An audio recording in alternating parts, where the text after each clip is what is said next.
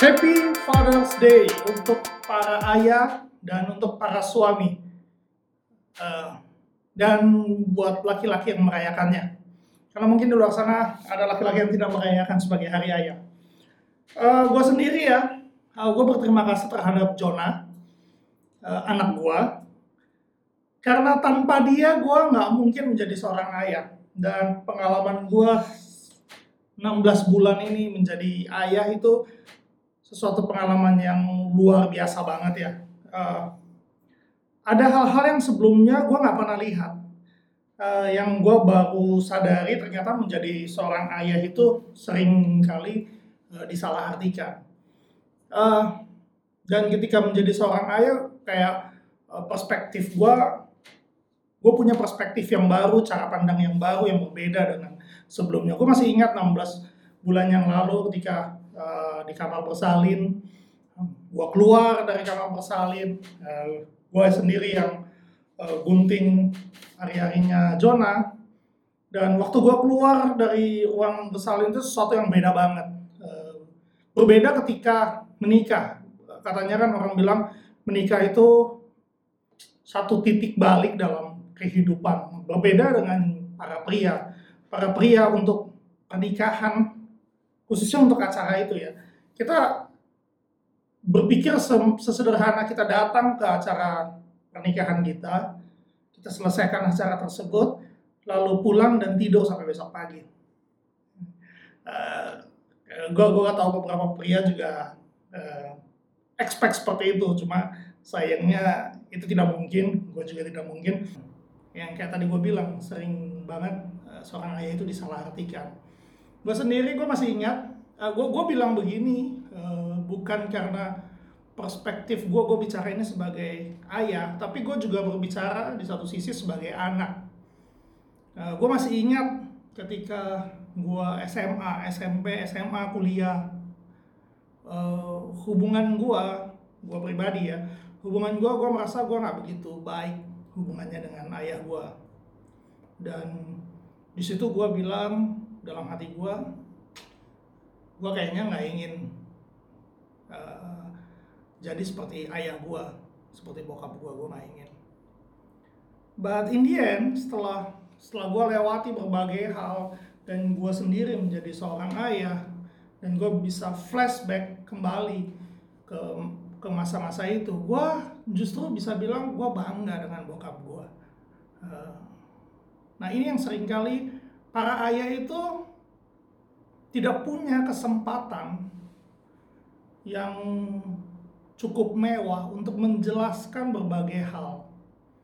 Dan kadang disalahartikan itu mereka terima uh, telan uh, bulat-bulat tanpa perlu komplain. Uh, semua beban itu gue gue bisa lihat itu sih. Maksudnya ketika setiap malam sebelum gue tidur gue lihat istri gue gue lihat anak gue ada beban yang kayaknya nggak cuma gue doang yang ngalamin mungkin para ayah di luar sana juga uh, alami hal tersebut. Mungkin nggak setiap malam tapi setidaknya ada dalam satu waktu melihat dan ada sedikit ketakutan muncul di sana uh, sedikit kekhawatiran mungkin. Dan dan hal-hal lainnya yang berkecamuk dan dan itu kayaknya susah untuk dijelaskan. Dan di situ gue bisa melihat oh wow uh, jadi ayah itu sesuatu yang luar biasa sekali. Sesuatu yang ya butuh kerja keras dan dan dan butuh pengorbanan yang besar di sana. Makanya gue mau sampaikan uh, simpati gue untuk para ayah untuk untuk para suami you guys uh, awesome. Uh, dan dan gue respect untuk sesama sesama seorang ayah. Nah kenapa gue gua angkat ini khususnya karena belakangan ini gue sering banget uh, ikut beberapa kelas parenting dan sering kali di sini uh, mungkin teman-teman juga yang pernah ikut kelas parenting atau pernah ikut atau sedang ikut workshop kita merasa bahwa pekerjaan itu menjadi musuh dalam keluarga. E, seolah-olah pada akhirnya ada satu titik di mana pekerjaan itu dibandingkan dengan keluarga, dikompar dengan keluarga. seolah-olah bahwa laki-laki itu lebih senang bekerja daripada mengurus uh, rumah tangga. Padahal kalau mau jujur kalau tanya ke gue ya gue juga pengen lah berada di rumah. Uh, gue juga pengen uh, bermain mengurus anak gue, mengurus uh, keluarga gue. Cuma kita nggak punya kemewahan seperti itu kan. Dan sering kali dalam seminar-seminar keluarga ini pekerjaan itu dipojokkan, dituduh menjadi penghalang antara anak dengan orang tua anak dengan ayahnya uh, seolah-olah pekerjaan itu biang kerok dari hal-hal yang nggak beres mungkin di rumah. Namun pada kenyataannya antara pekerjaan dan keluarga itu sama-sama penting sebenarnya. Nggak bisa kita bandingkan. Karena sering kali gini, ini ini ini yang sering kali terjadi. Ketika kita bilang, "Oh, pekerjaan itu penting." Oh, berarti keluarga nggak penting dong. Atau ketika keluarga itu penting oh berarti pekerjaan nggak penting. Seolah-olah antara pekerjaan dan keluarga ini sesuatu yang berkompetisi di dalam waktu-waktu dan di dalam hati seorang pria. Dan masing-masing seolah-olah ingin menjadi nomor satu. Padahal nggak seperti itu sebenarnya at least setidaknya cara pandang gue ya terhadap pekerjaan dan terhadap keluarga itu nggak seperti itu bahkan gue bisa bilang begini gue bisa bilang ada kalanya pekerjaan itu lebih penting daripada keluarga. Ada kalanya pekerjaan itu lebih prioritas dibanding keluarga Anda. Ketika apa sih? Ketika Anda punya keluarga tapi Anda nggak punya pekerjaan. Maka sebenarnya prioritas Anda adalah mencari pekerjaan. Karena Anda punya keluarga, karena Anda punya anak. Dan kalau Anda nggak bekerja itu uh, suram. Jadi Anda harus prioritaskan untuk mencari pekerjaan. Nah, setidaknya ada dua alasan kalau gue bisa bilang ya, eh, kenapa pekerjaan itu penting dan bukan berarti keluarga nggak lebih penting ya, tapi kenapa pekerjaan itu penting? Nih yang pertama ya, women, kids, and dog are loved unconditionally. Oke, okay? Wanita, anak, dan anjing itu bisa dicintai tanpa pamrih. Tapi berbeda dengan cowok, a man is only loved under the condition that he provide something. Ini sebenarnya beatnya uh, Chris Rock di tamborin. Tapi gue pikir eh bener juga ya. Uh, ini ambil contoh, ambil contoh begini. Ini para uh, wanita ketika uh, dia lagi dekat dengan seorang pria gitu dicerita ke teman-temannya kan hey hey uh, gue lagi deket nih sama Benny dia ganteng dia mempesona uh, Lalu tebak apa yang ditanya sama teman-temannya? Oh really? Kerjanya apa? Kan pasti ditanya pekerjaannya apa? Atau setidaknya uh, dia tinggal di mana? Karena tempat tinggal menentukan uh, apa pekerjaannya. Tapi percakapan pria berbeda ketika si Benny ngumpul sama temennya, hey guys, aduh gue lagi deket nih sama uh, Anita, uh, Anita cantik, Wah teman-teman yang bilang, wah lu harus kencani dia. Nggak ada yang nanya, Anita pekerjaannya apa? Nggak ada yang nanya. Apalagi uh, anak kita atau kita mau pungut anjing, nggak ada yang nanya anjing itu pekerjaannya apa, oke? Pertanyaan itu hanya valid untuk para pria. Ketika para pria ingin dikencani atau uh, para pria mendekati seseorang cewek, pekerjaan itu biasanya salah satu yang ditanyakan. Sebelum berkeluarga, pria tersebut sudah memiliki pekerjaan. Namun ketika berkeluarga, pekerjaan itu justru dianggap sebagai penghalang. Itu sebuah ironi. Alasan kedua, alasan kedua, ketika manusia pertama kali diciptakan, dia diberikan pekerjaan terlebih dahulu atau dia diberikan pasangan terlebih dahulu? Jawabannya dia diberikan pekerjaan dulu, baru dia diberikan pasangan. Artinya apa? Artinya pekerjaan itu penting guys.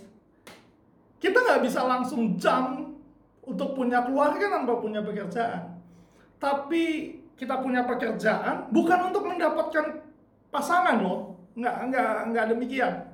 Juga caranya. Kita disuruh untuk berbuah fruitful bukan supaya kamu akan dapat pasangan ya juga. Jadi pekerjaan ini bukan sesuatu yang kita lakukan agar kita bisa membangun keluarga. Bukan kita bisa membang apa mendapatkan pasangan.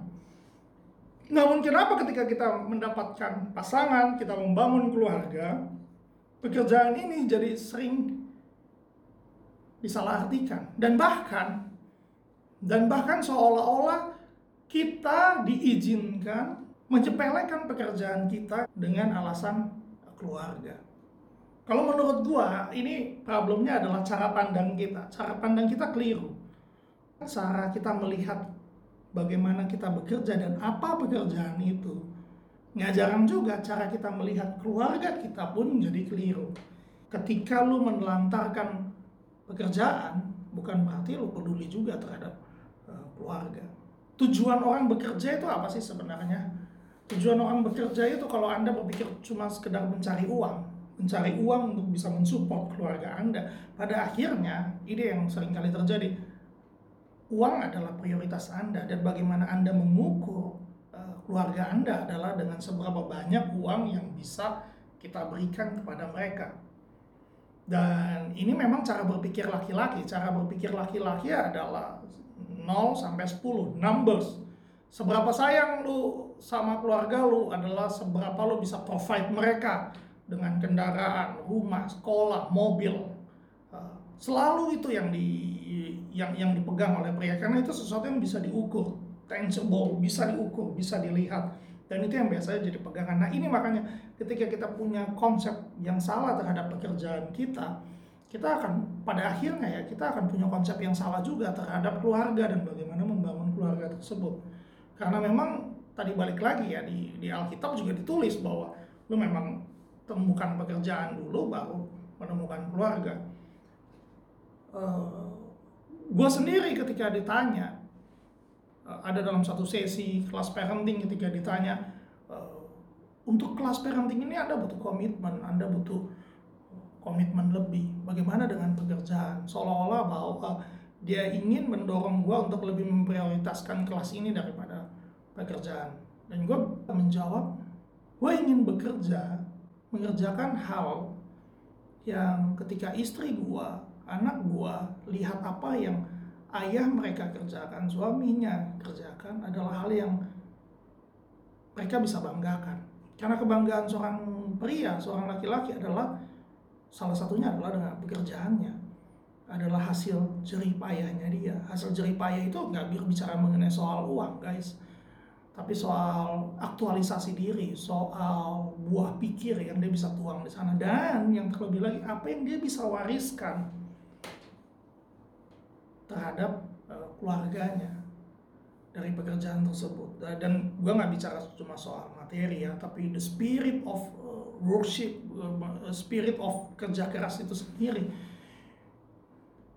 gue berharap ketika Jonah besar nanti dan dia melihat pilihan-pilihan ayahnya dia bisa bangga dengan uh, apa yang ayahnya kerjakan yang kedua, bekerja itu soal memaksimalkan potensi yang kita miliki.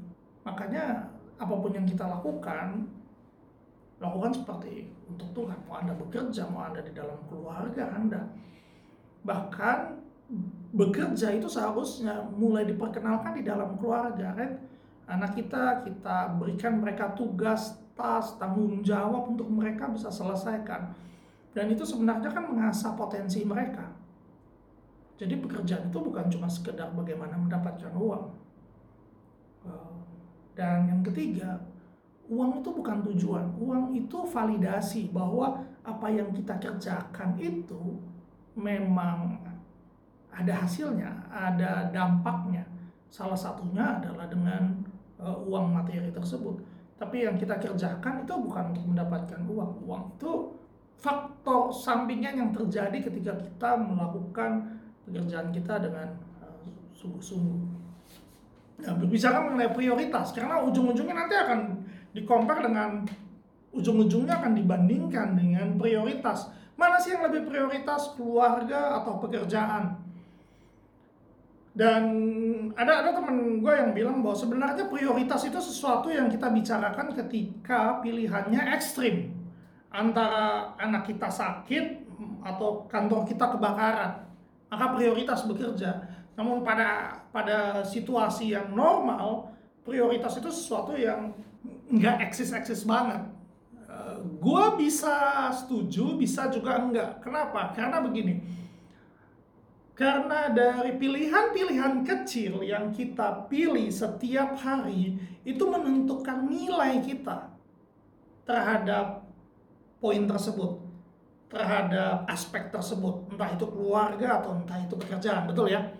Hal-hal kecil aja, Anda lebih memilih sering lembur atau pulang tepat waktu, Anda lewatkan uh, acara-acara keluarga yang sederhana aja loh, bukan yang hal-hal yang besar ya, bukan graduation, tapi hal-hal yang sederhana. Ketika anak Anda main bola, pertandingan anak Anda, latihan basket anak Anda, atau latihan futsal anak Anda, Anda lewatkan uh, kecil. Hal yang sedikit betul nggak? Atau Anda lewatkan meeting-meeting kecil di kantor, Anda datang uh, sedikit terlambat ke kantor hal-hal yang kecil pilihan-pilihan tersebut kan sebenarnya menentukan bagaimana Anda menilai atau menghargai, memvalue aspek kehidupan tersebut ya, baik itu keluarga atau pekerjaan Anda. Dan ketika ini bergulung terus pada akhirnya itu menjadikan prioritas Anda. Benar kan? Nah, gue punya satu konsep yang gue bagikan dan siapa tahu mungkin teman-teman bisa bisa melihat dari sudut pandang yang baru. Teman-teman nggak harus setuju dengan gue tapi uh, ini salah satu sudut pandang yang baru. Karena begini ketika kita berbicara mengenai prioritas khususnya aspek kehidupan kita set seperti prioritas tasnya kita setiap hari. Satu dua tiga empat lima enam dan seterusnya. Dan biasanya kita bagi ini dalam empat kuadran. Penting nggak penting mendesak sama nggak mendesak Nah, itu prioritas. Akhirnya kita susun berdasarkan itu. Nah, di sini menurut gua kesalahannya. Karena prioritas dalam kehidupan kita itu aspek ya, kita bicara mengenai aspek. Aspek kehidupan itu prioritasnya bukan tas. Bukan yang seperti tadi baik kuadran enggak. Contoh misalnya gini, uh, ini pertanyaan jebakan sebenarnya. Uh, antara uh, pekerjaan, keluarga, Tuhan, hobi, Bagaimana Anda menyusun prioritas Anda? Karena Anda tidak ingin disebut ateis, Anda taruh Tuhan nomor satu. Karena Anda nggak ingin dianggap sekulerisme, Anda taruh prioritas keluarga nomor dua. Lalu pekerjaan, lalu Anda taruh hobi di nomor enam atau tujuh. Setelah prioritas yang lain, betul ya? Biasanya demikian. Pertanyaannya begini, ketika anak Anda sakit di hari Jumat, atau anak Anda sakit ketika Anda seharusnya sholat Jumat di hari Jumat dan Anda anak Anda sekarat dan Anda lebih memilih mengantarkan anak Anda, berarti Anda nggak prioritaskan Tuhan Anda dong. Atau ketika Anda harusnya menemani anak Anda belajar, lalu Anda ditelepon, eh, eh bro ini ada Brompton eh, murah harganya 15 juta doang biasanya 30 40 juta. Lu kalau mau ambil sekarang lalu Anda mengabaikan uh, nemenin anak Anda belajar dan pergi ngejar dan beli Brompton tersebut lalu Anda bilang bahwa hobi Anda lebih penting daripada keluarga Anda itu nggak masuk akal juga kan? Ini yang disebut aspek kehidupan. Aspek kehidupan itu nggak bisa kita taruh prioritasnya seperti tas. Karena seperti misalnya Tuhan. Tuhan prioritas nomor berapa dong? Kalau seperti tadi contohnya. Yang tepat sebenarnya adalah dalam setiap kegiatan kita, dalam setiap aspek kita, bahkan dalam setiap prioritas hidup kita, selalu sertakan Tuhan di dalamnya. Harusnya begitu nggak? Bahkan ketika Anda bersama-sama dengan keluarga Anda, harusnya Anda sertakan Tuhan di sana. Ketika Anda bekerja, Anda tempatkan Tuhan di sana. Bahkan ketika Anda hobi, Anda tempatkan Tuhan di sana. Dan gue mau bilang, ada masa-masanya di mana hobi itu bisa lebih penting loh daripada keluarga Anda dan pekerjaan Anda. Ketika Anda mengalami stressful, tekanan yang begitu berat, Anda harusnya ambil waktu sejenak untuk beristirahat dan hobi itu salah satu cara untuk memulihkan kondisi Anda dengan cepat. Artinya prioritas Anda adalah hobi pada pada momen tersebut atau pada uh, pada situasi tersebut, benar kan? Jadi nggak bisa diprioritaskan 1 sampai 10. Tapi ini kita berbicara mengenai aspek kehidupan. Aspek kehidupan itu adalah seperti lingkaran. Tuhan Anda tempatkan uh, di tengah-tengah. Ketika Anda berbicara mengenai keluarga Anda, Anda taruh nilai-nilai yang Anda percayai mengenai Tuhan dan dan dan apa yang Anda percayai nilai Anda. uh, agama Anda. Anda tempatkan dong harusnya nilai-nilai tersebut di dalam keluarga Anda, benar ya? Dan ketika ketika Anda bekerja, Anda juga tempatkan dong nilai-nilai yang Anda percaya mengenai Tuhan, mengenai agama Anda dalam pekerjaan Anda. Dengan cara seperti itu Anda memprioritaskan Tuhan sebagai nomor satu. Itu lebih make sense. Begitu juga prioritas keluarga. Bagaimana sih Anda menempatkan keluarga Anda sebagai prioritas? Ketika Anda bekerja dan Anda bisa melihat pekerjaan Anda itu untuk keluarga Anda. Ketika Anda menjalankan hobi Anda, Anda bisa melihat bahwa hobi tersebut berdampak buat keluarga Anda. Ini sebenarnya prioritas yang yang kita bicarakan ketika kita berbicara mengenai aspek kehidupan ya, bukan tuduh. Karena karena aspek kehidupan itu mencakup dari nilai, konsep, dan tuduh, hal yang perlu dikerjakan, hal yang perlu dipikirkan, hal yang perlu Anda bangun tanam. Ini sebenarnya eh, bagaimana kita memprioritaskan aspek-aspek uh, kehidupan kita. Gue pernah baca uh, keluarga itu seperti keluarga, iman itu seperti bola kaca. Sedangkan pekerjaan itu seperti bola karet. Semakin Anda lempar dengan keras, dia akan memantul balik. Tapi berbeda dengan keluarga. Keluarga itu ketika Anda lempar, maka dia mudah pecah ketika lu melihat keluarga lu seperti bola kaca itu ada yang salah dengan dengan bagaimana kita membangun keluarga kita. Jangan Anda salahkan pekerjaan Anda ketika Anda lalai di dalam Anda membangun rumah tangga Anda. Demikian juga sebaliknya. Ketika Anda lalai dalam bekerja, jangan kambing hitamkan untuk keluarga Anda. Anda telah datang ke kantor, untuk keluarga gua rasa itu juga nggak nggak bijak dan apa yang kita mau banggakan uh, terhadap keluarga kita dengan seperti itu. Uh, gua percaya kita hidup harus dengan utuh seutuhnya. Artinya ketika Anda berada di rumah adalah Anda adalah orang dan pribadi yang sama ketika Anda berada di tengah-tengah pekerjaan Anda, di tengah-tengah lingkungan kantor Anda, ketika Anda berada di rumah ibadah, Ketika Anda sedang beribadah, harusnya adalah diri yang sama ketika Anda sedang bekerja. Jadi untuk para ayah, cheer up. Podcast ini untuk menguatkan kita semua. Uh, akan banyak memang yang menyalahartikan kita. No worries, percaya apa yang kita percayai. Uh, selalu berikhtiar dengan baik. Selalu berdoa sebelum kita berangkat bekerja atau pulang ke rumah. Okay, happy Father's Day.